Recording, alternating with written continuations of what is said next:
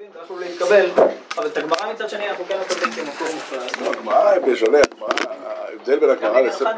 הגמרא בין... הגמרא מעצבת לנו את הצורה שאנחנו רואים את זה. תפילת העניים. חז"ל, חז"ל, חז"ל היו האנשים שהיו בתקופה, התחילו, התחלת חז"ל זה, זה, זה, זה אנשי הכנסת הגדולה. אה, אנשי הכנסת הגדולה, שמעון הצדיק. אה, שמעון הצדיק הוא משיירי הכנסת הגדולה, אבל אנשי הכנסת הגדולה עצמם, הם כבר מופיעים בתורה שבעל פה. ו- ועכשיו, זה נכון שצורת היצירה שחז"ל הקפידו עליה ושמרו עליה היא לא צורה של חיבור ספרים, אלא צורה של העברת דיון. הם לא העבירו אה, דברים כמו, כמו, ספר השמונים כתוב בשפה של אה, אדם שיודע מה קורה. אה, כמו, כמו ש... לא, וכמו נביא. וחז"ל כותבים, חז"ל מספרים סיפורים. מדברים, שואלים שאלות, ושרים בצורך, ושרים בתיקו. זה צורת, הם, הם, הם העבירו לנו את המסר שהקיום של יהודים אחרי, אחרי חורבן הבית הראשון הוא קיום של דיון מתמיד. חז"ל גם מזמינים את הקורא לדיאלוג, לא? במובן מסוים, כן, כן. עצם זה שיש מחלוקת בעצם, זאת אומרת שזה לא נביא. כן, שום דבר לא מופיע כ... כ...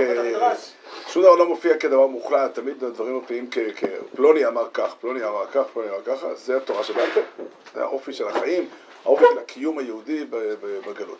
כן, אני... אה, אה, דורשו דורשי רשומות, שנפש, ראשי תיבות נר פתילה שמן. אה, מה, למה, למה בכלל אומרים את זה? זאת אומרת, כאילו, המצווה של הדלקת נר בכלל היא מצווה מיוחדת, היא, הפסוק אומר כי נר מצווה בתורה אור. יש משהו מיוחד במצווה של נר, של הדלקת נר, אני רוצה קצת ללבן את זה ולראות בזה משהו שהוא יותר רחב ויותר מהותי. לא בטוח שכל מה שאני אומר הוא פשט. יש פה מימד חזק של, של דרוש ורמז שדרשו דורשי, דורשו הדורשים ורמזו הרומזים, אבל אה, בסך הכל כל זה נכנס בכלל, אה, בכלל מה שנקרא תורה. אה, דיברנו וכולם מדברים על זה, המציאות של חנוכה, המציאות של חנוכה היא כולה חלה במקום שבו אה, דבר השם הפסיק להתגלות. כן, היה מצב, אנחנו, אנחנו כל כך אה, רגילים למצב הזה וחיים בו כבר אלפי שנים, זה נראה לנו טבעי ונורמלי, ואנחנו מסתכלים על, על מצב אחר כעל מצב מוזר. אבל העובדה היא ש, שכנסת ישראל הייתה רגילה במשך אה, אלף שנים בערך לדבר עם הקדוש ברוך הוא, לדבר עם ולשמוע אותו מדבר. כמובן, הדיבור האלוקי יש לו פנים שונות, יש אה, פנים בפנים דיבר השם עמכם זה במעמד הר סיני, יש צורה של שמש בגבעון דום, שזה גם אה, לא דיבור, אבל בכל אופן סוג של התגלות אה, מיוחדת במינה. כל ההתגלויות הללו, על כל הפנים שלהם וכל האופנים שלהם, כמעט לגמרי פסו מן העולם כשנחרב בבית הראשון. זו המציאות. עכשיו, האופן שבו יהדות מתקיימת, וזה צריך להדגיש תמיד, היהדות יכולה להתקיים רק באיזשהו דיאלוג עם השם, רק באיזשהו דיבור עם הקדוש ברוך הוא. אין יהדות אלא קשר. נחזור על המשל שאנחנו גם, זה המשל שאמרנו אותו כמה פעמים. אם אדם יספר לכם שהוא גר בעיר אחת ואבא שלו גר בעיר אחרת, ומישהו יסיק מזה שהם מסוכסכים, הוא עושה את זה על אחריותו הבלעדית. אבל אם אדם מספר לך שהוא גר בגבעת שאול ואשתו גרה ברמת שלמה, לא, לא, סתם, זה פשוט, אה, היא עובדת שם, אה, אה, זה לא מהותי, זה סתם. אז אדוני, זה לא עובד ככה. המהות של נישואים זה שחיים ביחד. וכיוון שהתורה במהותה היא הנישואים של כנסת ישראל עם הקדוש ברוך הוא, העובדה שאין לא, אין דיבור היא, היא פרחה, היא קושייה עצומה. הפרחה הזאת היא כל כך נוראה, שמי שמסתכל בחמישה חומשי תורה, בתורה עצמה, אפילו גם בנביאים, לא מוצא שום פתח איך יכולה להתקיים יהדות בלי זה. לצורך העניין, בספר אה, מלכים, שלמה המלך מקים את הבית הראשון ומתפלל תפילה ארוכה, ושם הוא מדבר על הרעיון של המקדש, שיש גילוי שכינה ויש תפילה שם. אז הוא מדבר על זה שיהודים יבואו לפה להתפלל, לבית המקדש, יתפללו מה- מהעיר ירושלים, מכל הארץ, הוא אפילו מעלה על דעתו את האפשרות שתהיה מלחמה, ויהודים ילכו בשבי, ומארץ רחוקה הם יתפללו אליך אל, העיר, אל הארץ אשר בחרת, אל העיר אשר בחרת, ואל הבית אשר בניתי לשמך. אבל האופציה שהבית לא יהיה, הוא לא מכיר אותה. הוא לא יכול לתת דעתו כזאת אפשרות. גם uh, בתורה עצמה כתוב שיש uh, סנהדרין, אז uh, כי, יפנה לך דבר למשפט וקמת ועלית, ומה עושים שאין שופט אשר יהיה בימים ההם? אין, אין כזו אופציה. במובנים מסוימים היה צריך ליצור מערכת שלמה של, של דפוסי פעילות שיחיו, ייתנו קיום לדיבור בין הקדוש ברוך הוא לעם ישראל. והסוד של חנוכה הוא שיש עוד סוג של התגלות אלוקית. ההתגלות האלוקית נמצאת בנפש האדם. זה, זה החידוש הגדול של חנוכה. זאת אומרת, זה בלט מאוד בזה שהחשמונאים קמו ונלחמו ומצאו את העוז ואת הוודאות ואת האמונה בעצמם כדי לצאת למלחמה על קיום היהדות. זה לא היה, לא היה להם שום נבואה. הם לא יכלו להגיד, הקדוש ברוך הוא אמר לנו לעשות כך וכך. הם גם לא, המלחמה גם לא הייתה נראית כמו מלחמה נבואית. המלחמה לא הייתה נראית כמו מלחמה נבואית, כי באמת אה, שלושה מתוך חמשת הבנים של מתתיהו בן יוחנן נהרגו במלחמה. נהרגו בקרבות. זו הייתה מלחמה כמו במלחמה. לא לקחו שופרות והסתובבו מסביב ליריחו. אני אעשה פה קצנה, כי אני הולך לצד, הכי חריף. גם במלחמת אה, יהושע היו מלחמות יותר אה, ממשיות מאשר השופרות. אבל, אבל בשביל להמחיש את זה, זה אומר, אנחנו בני אדם, אנחנו פועלים בתוך המציאות הטבעית, פועלים בתוך המציאות האנושית. המציאות האנושית, והיא, המציאות האנושית היא המקור שלנו להתגלות. והדבר הזה הוא פתח לתהליך עמוק מאוד וארוך מאוד, שקשה להעריך כמה הוא עצום וכמה הוא גדול, של כל ארון הספרים הזה וכל ארונות הספרים שיש ליהודים בכל מקום בעולם, הם כולם מבטאים את הדבר הזה, כולם תגובות אנושיות לדיבור האלוקי. כולם התייחסות אנושית, הקדוש ברוך הוא פעם פעם נתן תורה, ואנחנו משיבים, השכינה מתגלית בתוך עצמנו. אפשר להגיד שזה אחד האנשים שנשאו את הדגל הזה יותר מכולם, היה רבי עקיבא. רבי עקיבא היה זה שחידש את הדבר הזה, עד שבא רבי עקיבא ולימד, שהסברה, כך כתוב בסוף סויטו, כתוב בגמרא, מי שמת רבי עקיבא בטלו זרועי תורה, ורש"י אומר שהיה דורש הלכות מסברה ומדקדוק הכתובים. זה לא שלפני זה לא השתמשו בסברה, ולפני זה לא השתמשו בדקדוק הכתובים, ולא שאחרי זה לא היה מסורות מסיני. אבל בכל אופן רבי עקיבא חידש רמה אחרת לגמרי, מימד אחר לגמרי של, של גישה של סברה, וזה בעצם האופן שבו אנחנו מתקיימים. זה הסיפור של חנוכה, וזה הסיפור שלנו. כתוב אבל שהתורה שבעל פה כבר ניתנה בסיני. רואים שהיה... רבנו הרמב"ם כותב, מקדים בהקדמה שלו ל... גם להקדמה למשנה תורה, גם בהקדמה לפירוש המשנה, הוא מקדים ואומר שיש שלושה חלקים בתורה שבעל פה. תורה שבעל פה מורכבת ממסורות מסיני, מורכבת מחידושים שחידשו חכמים מדקדוק הכתובים, מי"ג מידות שהתורה נדרשת בהם, מסברה, ותורה שבעל פה מרחילה גם את התקנות של חז"ל. זאת אומרת, יש בתורה שבעל פה כאלה, הרמב"ם כותב שאנחנו לא יודעים לדעת איזה, מתורה, איזה מהדברים של חז"ל הם מסיני ואיזה הם חידשו בדרך הלימוד. זה בא לבטא אבל את הקשר של תורה שבעל פה, את הקשר שאחרי, שכבר יצאנו ממר לגלות, והתורה שבעל פה נכתבה בבבל או בארץ אחרי הגלות, אז רואים... נכתבת כל יום. אז איך שלמה המלך, זאת אומרת, לא יכול היה לתאר לעצמו הרי דברים ש... שהיו כבר בהר סיני, כשהייתה תהיה תורה שבעל פה, אז איך זה מסתדר שהמציאות... התשובה לזה היא שהמקום של תורה שבעל פה, המקום של החיים שלנו הוא כל כולו המציאות של תוך החושך. אין מקום לחשמונאים בתנאים, לצורך העניין כשאלכסנדר מוקדון מלך בירושלים ועשה בעיות, היה, הוא גזר גזרות, אז אי אפשר לצאת נגדו למלחמה. רק, רק האין ברירה נותן את האפשרות לפעול בצורה כזאת. זאת אומרת, העובדה שאנחנו נמצאים במציאות, שאנחנו צריכים לקחת אחריות על עצמנו, זה, זה, זה, זה הסיפור. עכשיו, הסיפור הזה כל כך פשוט. פשוט אני מתכוון, כל כך ברור וכל כך מובן, וכל מי שמסתכל מסביב ומתבונן במשקפיים האלה רואה את זה. לכו מבית כנסת לבית כנסת לבית כנסת, מבית מדרש לבית מדרש, יושבים יהודים ועסוקים בתורה ומתפללים, הם יוצרים בעצמם את הנוכחות האלוקית. זה מה שהם עושים, השכינה שורה אצלנו בבית, איש ואישה זכו שכינה ביניהם, הלומד תורה שכינה כנגדו, מתפלל שכינה כנגדו, כל בעשור השכין תשר, יהיה כתוב בגמרא. בכל מקום שיהודים נמצאים, בכל מקום שיהודים עובדים את השם ומתפללים להשם, אז הקדוש ברוך הוא מגיע לשרות שם. למה זה לא היה מספיק גם אז? למה היה צריך גם את הנבואה? למה? בגלל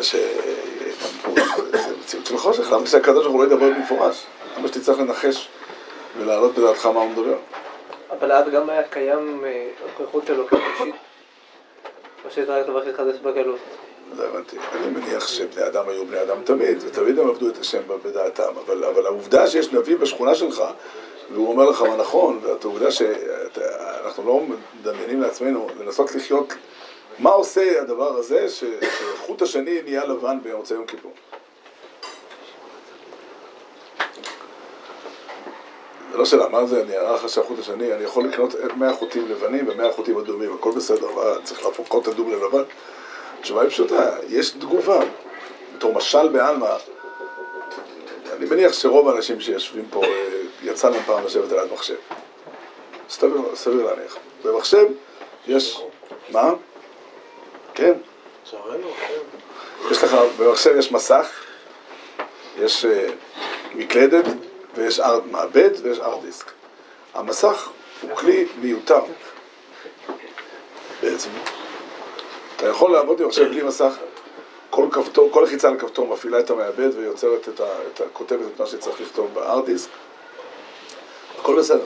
אבל אין אפשרות לחיות עם מחשב בלי מסך. למה? כי זה לא מתאים לטבע האנושי. יש אנשים שכותבים בשיטה עיוורת, מסתכלים רק על המסך. הם לא מסתכלים על המקלדת כשהם כותבים. אבל, אבל אדם בנוי בצורה כזאת שהוא מתקשר עם המציאות והמציאות משיבה לו. כאשר הקדוש ברוך הוא לא מתגלה, אז בעצם האופן שבו מפרשים את ה- זה תמיד צריך עומק, תמיד צריך לפרש את המציאות, להבין אותה נכון, ולהיות, אה, לקבל אחריות על הפירוש שאני אני, אני מקבל אותו. זה מצריך אותי גם לחיות בעובדה שאני מפרש א' ומישהו אחר מפרש ב'. רב לייב תמיד היה אומר שהסיבה שתלמידי רבי עקיבא לא נהגו כבוד זה בזה, היא בגלל שרבי עקיבא פיתח בית מדרש שבו כל אחד אומר משהו אחר. והטעות הייתה שהם הבינו שאם אני חושב ככה, זה אומר שמה שאני אומר זה נכון, ומה שאתה אומר זה לא נכון. אז, אה, אז מי אתה בכלל? יש גרסה אחרת, בירושלמי כתוב, לא שהם לא נהגו כבוד זה בזה, שהייתה עיניהם צרה זה לזה. זה אומר הפוך, אם אתה אומר, אולי אתה אומר את הנכון, ואני לא יודע פשט. והאמת היא שהתורה בנויה מזה שזה תורה וזה תורה. יש ויכוח, יש דעות שונות, וזה מקצוע שלם שכל המציאות של הש"ס בנויה עליו, כל המציאות של התורה שבעל פה, של חז"ל, ככה לימדו אותנו לחיות, ככה לימדו אותנו לעבוד, וזה האופן שבו אנחנו עובדים את השם עד עת קץ. זהו, זה העיקרון. עכשיו, אם אנחנו שואלים מאיפה המקור של הקדושה, התשובה היא שהקדוש ברוך הוא טבע בנפש האדם, האדם נברא בצלם אלוקים, ויש אה, בחינה שנקראת כשמה שנתת בי טהוראי, שבמעמקי האדם יש אה, בחינה שנשארת תמיד טהורה וכולי. משם, מההערה האלוקית הזאת, האדם, אה, אה, מההערה האלוקית הזאת, האדם יכול למצוא כוח איך לעבוד את השם, איך להאיר את החיים שלו. זה, זה באמת אה, דבר שהוא אה, צריך לדעת אותו תמיד, צריך לדעת אותו תמיד שאנחנו רוצים לתקן. לפעמים אנחנו לוקחים בן אדם ולא עסוקים בלתקן אותו, אלא עסוקים בלהגן על הסביבה ממנו. אם יש אדם שהוא אה, מזיק לסביבה, אז אני לא עסוק בלהגן עליו, ויכול להיות שמה שאני אעשה יזיק לו, אבל אין לי ברירה, כי אני עסוק בלהגן על הסביבה. יש מישהו שהוא אה, פושע, רוצח, אפילו אם הוא לא אשם בכלל, הדין, הדין הפשוט הוא שהורגים רוידף, אפילו אם הוא לא, אם הוא לא, לא, לא התכוון לשום דבר לו. יש אדם שהוא אה, לא בריא, משוגע, ובתוך שיגעון הוא, הוא, הוא, הוא, הוא הורג אנשים. מה? או אפילו עובר בסיטואציה מסוימת הוא רוידף, כי אני לא עסוק בלתקן, אני לא אומר שזה יותר טוב עבור הרודף. אני אומר שאני עסוק לא... אבל אם אני רוצה לתקן מישהו, אז מקור התיקון תמיד זה נמצא בתוך הנפש שלו. בתוך המציאות האנושית שלו, שם נמצא הטוב, שם נמצא הקודש, ומשם צריך להוציא את הקדושה. אז אם אנחנו לוקחים את הנר ובודקים איפה, איפה המקבילה של הנפש, הנפש זה השמן. השמן הוא הנפש. השמן זה, זה, זה מקור החיות, מקור, ה, מקור, ה, כן, מקור הקדושה של האדם. אם אנחנו נשאל מה עושה הגוף, הגוף הוא הכלי. אנחנו היום קוראים נר גם ל... ל משהו מוצק כזה, נר של שעווה או נר של פרפין, אבל בעיקרון נר זה כלי שבתוכו שמים את השמן. זה, זה הנר שבתוכו שמים את השמן, זה הדבר שמחזיק את השמן. גם הגוף, על כל הבחינות שלו, כל המציאות שלו, הוא מחזיק את הנפש של האדם, והוא חיוני, בלעדיו אי אפשר. צריך לטפל, אה, כמו שצריך לטפל בנר ולהכין אותו, צריך ל- ל- לנקות את הנר כדי לשים שם את השמן, צריך לטפל בגוף, וחלק מאוד משמעותי בתפקיד של האדם זה לטפל, לטפל בגוף שלו. מה התפקיד של הפתילה? או מהי הפתילה? לא... מה, איפה, איפה, איפה, איפה זה נמצא במציאות? אז אם אנחנו לוקחים נר, הפתילה היא דבר מאוד מיוחד.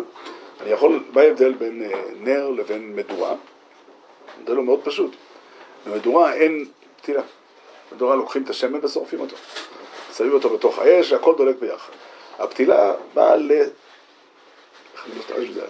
למקד, לקבוע את הקצב את ה, את ה, של, של הבעירה, והיא בוחנת כמה שמן יישרף בכל דקה.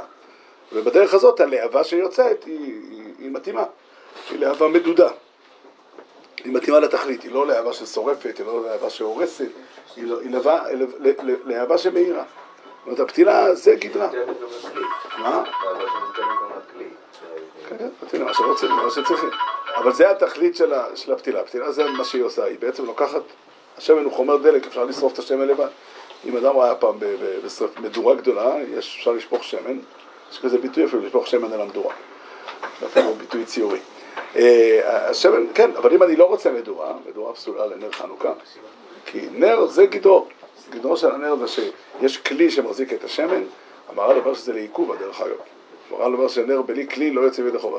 ולכן אי אפשר לדעתו לצאת ידי חובת נר חנוכה בנרות מוצקים. אבל הפוסקים לא פסקו כך. שהרציון מביא שיש לדון, אבל למעשה ככה אנחנו נוהגים לכולה, אפילו גם בזה, ובכלים גם בנרות שעבה, זה חכמי נרבונה כך אמרו, לא ניכנס לדיון.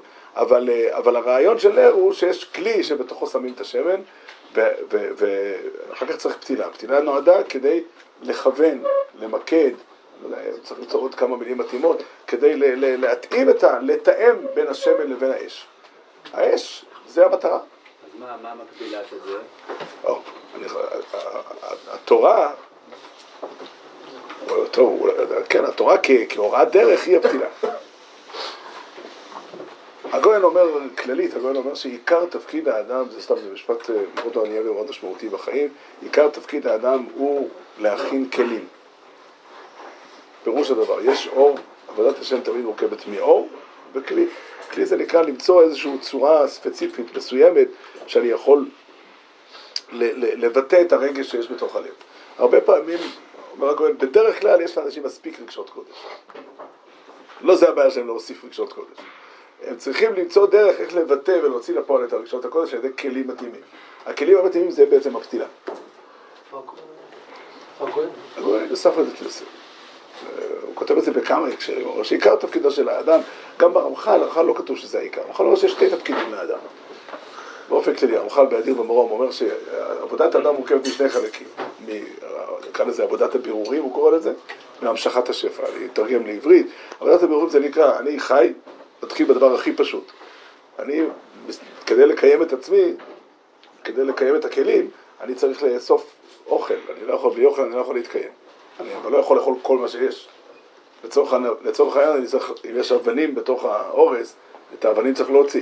עבודת בירור זה למצוא איזה חלק מהאוכל, מה, חלק מהיקום מתאים לי בשביל האוכל. נתחיל מזה שאני מוציא אבנים, אבל לא צריך למצוא רק אבנים, צריך להוציא גם דברים שהם לא בריאים, דברים שהם אסורים לפי הדין, דברים שהם, דברים שהם לא ראויים מכל מיני סיבות. ככה זה נכון על אוכל, זה נכון על, על, על, על הסתכלויות, על, על אינפורמציה. היום אנחנו מבינים את זה מאוד חזק, שאדם בעצם עסוק כל החיים שלו בלברור, מקווים שהוא בורר את האינפורמציה שנכנסת לו ללב. כשאדם לא בורר את האינפורמציה, אז כן, זה כמו אדם שמכניס לבטן אבנים. זה לא, לחץ לא נורא, הגוף יתמודד, עודף ולא, אפשר להתמודד, בשלב מסוים הגוף נהרס אם מכניסים אבנים ולגבול. באותו אופן, זה עבודת הבירורים, וזה, כל המצוות כולם, יש בהם צד כזה, שהם מכינים את המציאות, ומעמידים את המציאות בצורה נכונה ומתאימה. אבל כל זה הוא הכנה לזה שירד שפע. השפע הוא אור, אור אלוקי שיורד מלמעלה.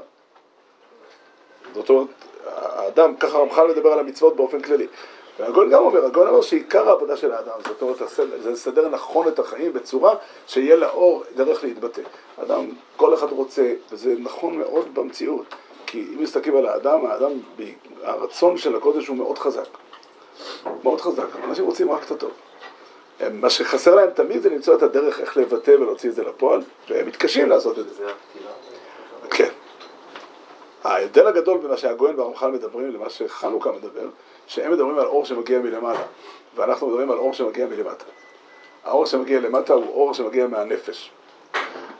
אור שמגיע מהנפש זה אומר ש, ש, כן, שיש בתוך האדם, בתוך האדם, וצריך לחפש ולמצוא, לפעמים האור הזה הוא אה, עטוף בהמון המון אה, עטיפות, בהמון קליפות, בהמון בוץ, לפעמים צריך אה, לקלף קצת, לפעמים צריך לקלף הרבה, לפעמים כדאי בעיקר לסדוק. איזשהו סדק קצר, קטן, כדי שהאור יצא החוצה, אבל החוכמה היא לקחת את האור וליצור ממנו, לשים לו פתילה. לשים לו פתילה זה אומר לשים איזשהו כלי מיוחד, איזשהו דבר מיוחד כזה שזה עניינו. הוא מצמצם את הזרימה של האור ומכוון אותה למטרה. שזה יהיה לזה אופי מסוים.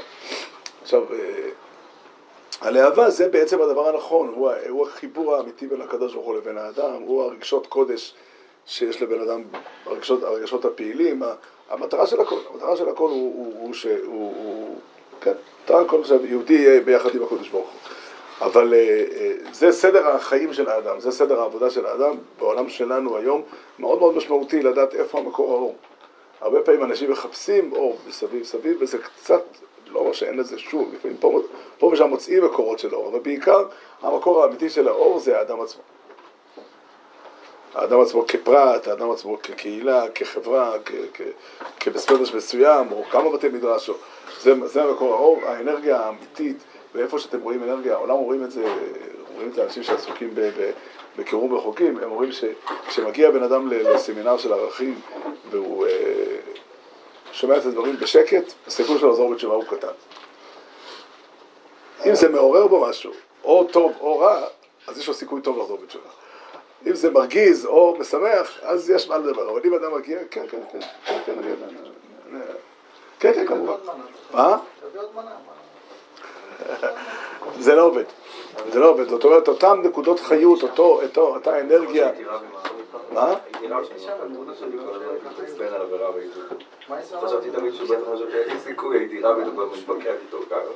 כן, זה, מה זה אומר? זה אומר בעצם שצריכים למצוא דרך איך מוציאים את האנרגיה שיש בתוך האדם כדי שיצא החוצה. אחר כך צריך למצוא דרך איך, איך לבטא אותו. וזה חייבים להבין, יש מגמה, יש מטרה, הצורה שהאור יבער, שהאש תבער בתוך החיים, האש תבער בתוך הקודש, ליצור משהו, משהו של בניין. אם יש מקומות כאלה שהאור, האנרגיה החזקה הולכת לחורבן, הולכת להרס, אתה רואה את... כן, רואים את זה, רואים את זה, רואים את זה, כשרואים תופעות מסוימות, רואים את זה, היה פעם בחור אה, בפתחי עולם, בחור בעל תשובה, שאל אותי על משהו מסוים, אה, כדאי להתקרב לאיזה משהו. וכך הוא הלך לשם, חזר, אמר, רואים שם הרס, לא רואים שם בניין. אני לא ידעתי מה יש שם, אני לא יודע מה הוא מדבר, מאוד נהניתי מהמשפט, כי המשפט הזה הוא נכון, כי דברי תורה בונים, דברי תורה בונים, דברי תורה יוצרים חיבור, יוצרים קשר, יוצרים שלווה, לא אומר שכל יום אה, זה כך עובד, אבל אדם, אדם ש, ש, שעסוק בדברי תורה, אתה צריך לראות, תורה, תורה היא מיישבת דעתו של אדם. זה אומר, אם התורה, אם האנרגיה מכוונת נכון, והפתילה היא מתאימה, והאש מותאמת למקום, אז זה התוצר. ו... וזה דורש תמיד לחשוב על זה, לחשוב באמת ולבחון מהי הדרך הנכונה, איך אנחנו לוקחים את האנרגיה, בפרט שיושבים ביחד בבית מדרש ויוצרים צירוף של אה, כמה אנשים ביחד, אז אנחנו צריכים לחשוב איך לוקחים את האנרגיה של פלוני עם האנרגיה של אלמוני ומחברים אותה ביחד. לפעמים פלוני כועס על פלוני, פלוני כועס על פלוני, כי המטרה של כולם היא קדושה. המטרה של כולם היא להתקרב להשם, המטרה של כולם היא לעשות את הטוב ואת הנכון. מסיבה כלשהי האנרגיה הזאת פועלת בכיוון הזה, האנרגיה הזאת פועלת בכיוון הזה, צריך למצוא את הפתילה המתאימה. אז אין ברירה, כי לעשות את זה לבד, לפעמים זה עובד, אבל לפעמים זה יחריב את ההתנגשות. אז אולי כדאי שנשב ביחד ונחשוב איך עושים, איך עושים ביחד, איך ממקמים את, ה, את האנרגיה שלי, את הכעס שיש לי, את הכעס שיש לך, ביחד לראות משהו מועיל, מתוך הבנה שבסופו של דבר אין לנו מטרה אחרת. אין לנו מטרה אחרת. כל מי שנמצא בבית המדרש, אני אדבר ברמה הכי פשוטה, כל מי שנמצא בבית המדרש מגיע בשביל להתקרב להשם, אף אחד לא מגיע לבית המדרש ולקבל שם אוכל, אף אחד לא מגיע לבית המדרש ולקבל שם ממתקים, יש פה ושם לפעמים, אבל זה לא, לא בכמות מספקת בשביל, אה, בשביל, בשביל, בשביל, בשביל זה לבוא, ואף אחד לא מגיע בשביל לקבל כסף. זה גם לא, לא מדי משכנע. העיקרון שיש, העיקרון שאנשים באים זה בשביל להתחבר להשם וכולי, אנחנו בעצם עסוקים למצוא פתילות נכונות בשביל האור שלנו. למצוא פתילות נכונות בשביל האור שלנו. זה, זה המטרה. שנמצא את הפתילה הנכונה, שמתחשבת בנר, בכלי, שמתחשבת בשמן, ומכוונת להוציא אש, אש ראויה, אש, אש טובה, אז אנחנו הגענו למטרה. זאת המטרה. בשביל זה כל הסיפור, זה כל הסיפור, ומצוות נר חנוכה היא באמת אה, אופיינית, היא מתאימה.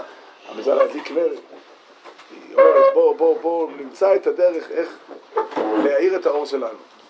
יש אה, כמה וכמה קדמונים כתבו רמזים, זה רמז, רמזים, לא, ודאי לא שייכים לפשט, אבל הם נכונים מצד עצמם. את הרעיון שמדליקים אה, נר חנוכה פתח ביתו מבחוץ, את הרעיון שצריכים אה, מתחת למטה מעשרה טפחים, אבל זה באופן נכון, הרעיון של נר הוא להעיר. הרעיון של נר כתוב בספר סופרים חידוש להלכה, שם כתוב שלא מדליקים נר לפני הלילה, שהרי כתוב במשנה, אין מברכים על הנר עד שיאותו לאורו. וזה ממש תמוה, כי המשפט הזה נאמר במשנה על נר של הבדלה, שכל עניינו הוא נר שנועד ליהנות ממנו. ופה אנחנו מדברים על נר שאסור ליהנות ממנו. אז מה הקשר? התשובה היא פשוטה, אסור ליהנות ממנו הנאה של חולין. ודאי שהנר נועד כדי שיסתכלו עליו וייהנו ממנו ויראו איך המציאות מוארת. יראו איך, איך, איך החיים אה, אה, אה, איך החיים מוארים על ידי התורה, איך החיים מוארים על ידי האמונה, וזה מלאכתנו. זה מלאכתנו. מה שאני אומר הוא נכון לכל יהודי בכל בית מדרש, ובפרט נכון לבית המדרש שלנו. בפרט נכון לבית המדרש שלנו, שהוא בית מדרש, המציאות שלו היא כזו שבאים שם אנשים שונים עם להבות שונות, עם הערות שונות, ואין לעצה אלא לשבת ולחשוב איך עושים ביחד פתילות.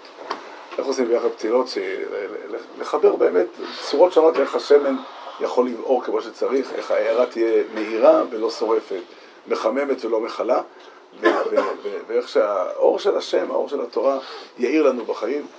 באמת, אולי ננצל את ההזדמנות בשביל לדבר, גמרתי את זה אתמול, אבל אני אחזור על זה שוב היום בפורום הרחב יותר הזה. זה, זה, חייבים להבין את זה, כי אין לנו מטרה אחרת. כל אחד מאיתנו, וזה דבר פשוט שקל להראות אותו במציאות, כל, אין לנו מטרה אחרת חוץ מאשר להיות יותר טובים, יותר קרובים להשם, יותר, סליחה על הביטוי שאני אשתמש בו, ביטוי קצת גס, יותר דתיים. אין, אין לנו מטרה אחרת, ואין שום סיבה בעולם שנהיה פחות דתיים. אין שום סיבה שם לאף אחד מאיתנו, זה לא צריך, למה לא צריך? יבוא אדם ויגיד לו, תשמע, אני יכול לתת לך, יש לך אפשרות לקבל משכורת של 5,000 דולר. מספיק 4,000. אתה מכיר כזה אדם? זה לא, זה, לא סביר. זה לא סביר. הרצון העמוק של כולנו, הרצון העמוק של כולנו, ואפשר לראות את זה במציאות. תסתובב בכל כל, כל השכונות שלנו, תציע לאנשים, אם יש לך איזושהי דרך איך סגולה שתיתן להם ל, לגדל ילדים יראי שמיים. אם יש לך סגולה אמיתית כזאת, אני חושב שגם אם לא, אבל, אבל גם אם סגולה לא אמיתית, אבל על סגולה אמיתית אתה תהיה מיליונר. אתה תהיה מיליונר. באמת, אנשים יהיו מוכנים לשלם הכל. בגלל שאין רצון עמוק יותר לכל אחד מאיתנו, חוץ מאשר לגדול ולגדל, לגדול בעצמו ולהעמיד את המשפחה שלו בצורה של קדושה, בצורה של קריבס השם, בצורה של דבקות בהשם, בצורה של, של טוירו וירס שמיים. אלא מה הנושא? שצריכים למצוא את הפתילה הנכונה. צריך למצוא את הפתילה המתאימה, וזה באמת עבורית הגדולה, אבל, אבל זה המטרה שלנו. אין לנו מטרה אחרת. כל עוד שזה לא מגיע לשם, צריכים לדעת שעדיין לא מצאנו את הפתילה הכי טובה. אולי יש, אולי יש, יש פתילות חדשות, מבית חרושת חדש, מצמר גפן מיוחד, ש, שזה כן עובד. אבל, אבל, אבל זה, זה באמת הסיפור. זה, זה כל כך פשוט. כל כך פשוט. היה בישיבת דרך השם, היה עובד ערבי, סיפרתי את הסיפור כמה פעמים. עובד ערבי שהתגייר. אז כששאלו אותו, כשהתחיל הסיפור, אני לא אספר את כל הסיפור עכשיו עוד פעם, אבל התחיל הסיפור, שאלו אותו הרבנים של דרך השם, ואני ביניהם, מה, מה קרה, מה, מה? אז הוא אומר, אני רואה איך הבחורים בדרך השם נאבקים בציפורניים כדי לא, לא, לא ליפול. וזה מדליק אותי. אני לא יודע מה קורה אם היו מביאים אותו למקום שיש כאלה שלא צריכים להחזיק בציפורניים. אולי הוא לא מתלהב. אבל, אבל אני חושב שיש פה מבט מאוד עמוק. יש פה מבט מאוד עמוק ומאוד יפה ומאוד נכון. אנשים, אין מטרה אחרת לכולנו אלא זו. וכשאנחנו לא מצליחים לעשות את זה, זה בגלל שאנחנו לא מצליחים. כי, איך אומרים, ביער כי אוזנת יד ואפס עצור ועזוב. באופן עקרוני היינו צריכים לפנות את הקדוש ברוך הוא ולהגיד שזה תפקיד שלו. אבל אנחנו חיים בגלות, והוא לא עושה את זה. זה אנחנו צריכים לעשות. צריכים לחשוב עוד פעם ועוד פעם, לנסות למצוא איזה פתיל, איזה, איזה משהו במציאות יכול לאפשר להוציא את האור. איזה, איזה דרך, אפילו אור קטן, אפילו, אפילו אה, מה שיכול להוציא לאהבה קטנה, לך תדע לאן הלהבה הזאת עוד יכולה להגיע. זה סוד חנוכה, זה סוד חנוכה וזה סוד אה, החיים שלנו בגלות, בעולם שאנחנו נמצאים בו, והיה ויכוח על זה השבוע, אם היהדות נמצאת בסכנה או לא. אסור להיות אה, פסימי יותר מדי, אני לא חושב שהיהדות נמצאת בסכנה קיומית. אבל מי שחושב שאפשר לבנות על המציאות שלנו חיים ברגיעה הוא טועה לדעתי. אנחנו חיים בעולם חילוני. העולם החילוני הוא גם חילוני וגם מטורף, ואין דבר כזה לא משפיע. מי שמספר לך שהוא נמצא במקום וזה לא משפיע עליו, הוא, הוא כנראה מושפע כל כך חזק, שאין לו יכולת להבחין בהשפעה. דרך אגב, אני פעם הייתי בים, סחף היה שם, והיינו שני אנשים, אחד טען שהוא מרגיש בסחף, ואחד טען שלא. אתה יודע מי ירגיש בסחף? מי שהרגליים שלו בקרקע, מרגיש את הסחף, מי שלא נסחף, הוא לא מרגיש את הסחף. הוא פשוט, הוא רק יכול לראות שאחרי זמן שהוא נמצא רחוק. מי שלא, מי שטוען שהחוץ לא משפיע עליו, אני לא אומר מי שבאמת נמצא בפנים, בפנים השראה בשרי חלקו, אבל בדרך כלל כל אחד מאיתנו במידה כזו או אחרת, איך אמרנו, גם אם עושים וילונות כבדים, וזה חשוב וטוב ונכון לעשות וילונות כבדים, אי אפשר לסמוך עליהם לגמרי. כי דרך כשיש רוח חזקה, זה וילון קצת זז וקצת נכנס מתחת לווילון. ואנחנו חייבים להבין את המציאות הזאת. שחייבים להעמיד את הדברים מתוך מלחמה, לא מלחמה, המילה מלחמה היא מילה קשה, לא, לא חייבים להילחם כל הזמן, אבל מתוך מאמץ אמיתי לבנות את הדברים נכון, לחפש דרכים, למצוא פתילות כדי, פתילות נכונות כדי שהאור ידלק. פתילות נכונות זה, זה, זה סדר לימוד תורה נכון. אין מנוס מזה. אין מנוס מזה. בכל זמן, בכל עת, בכל זמן, שלב בחיים, תמיד אדם צריך להיות מחובר לתורה וללמוד תורה כמה שיותר בחיות, כמה שיותר בעומק, כמה שיותר בהבנה. אחד. שתיים, להיות שייך לחברה של, של, של יהודים יראי שמיים. זה פשוט חיוני. אם אדם נאלץ באיזושהי סיבה שהיא ללכת למקום שיש שם יהודים שהם לא יראי שמיים, השם ירחם עליהם, אנחנו דנים את כולם כתינוקות שנשבו, אבל הוא צריך לשמור על עצמו. וכדי לשמור על עצמו הוא צריך שיהיה לו עוגן חזק מאוד של, של, של קהילה, קהילה, חברה, שיעור, חברותה, כל אחד לפי מה שהוא יכול, של חיבור ל, ל, לעובדי השם. חבר אני לכל אשר ירוך. ומזה יצא גם דרכים איך להתמודד באותה, כשנמצאים בשדה הקרב. מה לעשות, מה לא לעשות, איך לדבר, איך לפעול, כל אחד צריך, יכול להתייעץ עם רב, יכול להתייעץ עם עצמו, יכול להתייעץ עם חברים שלו, לא משנה עם מי, אבל, אבל, אבל, אבל צריך לחשוב איך בונים מבנה של חיים במציאות הזאת. וחוץ מזה, שצריך לחיות את האש. צריך לחיות את האש. איך אפשר, אה, הרבה פעמים, הרבה פעמים אני שומע את הדיון בשאלה הזאת, האם, אה, הייתי פעם באיזה מקום שם, מישהו דיבר על זה, שאפשר להישאר חרדי גם באקדמיה. אז שני דברים אני רוצה לומר. קודם כל, אמרתי קודם, האמירה שאפשר להיות באקדמיה ולא להיות מושפע ולבוא לשם תכליתית, זה בדיחה. זה בדיחה. אם אתה לא מודע להשפעה ולא מתמודד איתה, אז אתה ודאי מושפע מאוד חזק. אבל אני חושב שיש פה עוד שאלה. האם ההגדרה היא להישאר חרדי? להישאר צדיק. לגדול ולהיות עובד השם, להיות, להיות, להיות אדם שלומד תורה ברצינות. זה המטרה שלנו להישאר חרדים? זה כמו להגיד, בסדר, הרי הריאות עובדות, הכליות עובדות. זה המטרה גם אה, נולד לו ילד, כן, הריאות יעבדו בעזרת השם. ברור שצריכים שהריאות יעבדו, אלא מה? בלי שהריאות עובדים אין כלום. אבל זאת השאיפה שלנו שיהיה ילד, ככה שנהיה עם ריאות וכליות וכבד. החיים הם משהו הרבה יותר חזק. ועבודת השם היא דבר מלא חיים. מלא חיים. אדם צריך להסתכל על טוב ולשאול כמה קדושה הוא מביא הביתה. הוא בא לשבת הביתה, כמה קדושה הוא מביא הביתה. כשהוא נמצא בחוץ או כשהוא נמצא במסמדרש. איזה קדושה הוא מביא, ו- ו- ואין דרך אחרת. הקדוש ברוך הוא שם את עצמו בתורה, ואנחנו צריכים לחזור לתורה תמיד ולשאוב משם. תורה זה תורה שנכסב, תורה זה תורה שבעל פה, תורה זה הלוכה, ותורה זה הגודה, תורה זה, זה, זה מוסר, זה חסידס, זה כל מה שיכול, הכל יכול להיות תורה. הכל יכול להיות, הכל, הכל נקרא תורה, העיקר הוא זה שאדם צריך למצוא מקור לחיות את עצמו. וזה בעצם חנוכה בחז"ל. ככה הלכה פשוטה, הלכה פשוטה שאומרים הלל בפ- בפסח רק פעם אחת. מצד המנהג אומרים עוד אה, גם בחול המועד הלל, אבל מצד הדין לא אומרים הלל בחול המועד, והסיבה היא כי כל מה שהיה בפסח מצדיק הלל אחד. בסדר, אומרים הלל אחד, זה מצרים. דרך אגב, זה לא דין ביום טוב ראשון. רב חיים גריימן טוען שאם אדם לא יצא לו לומר הלל ביום טוב ראשון, מאיזה סיבה שלא תהיה, אז הוא אומר הלל שלם ביום, ביום הראשון של חול המועד, או ביום השני של חול המועד. למה? כי חג המצות, על כל הניסים שבו, מחייב הלל אחד. למה חנוכה מחייב הלל שמונה ימים? זאת אומרת, זה מקשה אחת בפסח. כל הימים. כן, כן. למה, למה חנוכה מחייב הלל שמונה ימים? אני חושב שיש תשובה אחת לשאלה הזאת. כי חנוכה לא מבטא נס חד פעמי. חנוכה מבטא נס שהוא קבוע, נס שהוא הסדר הרגיל של החיים.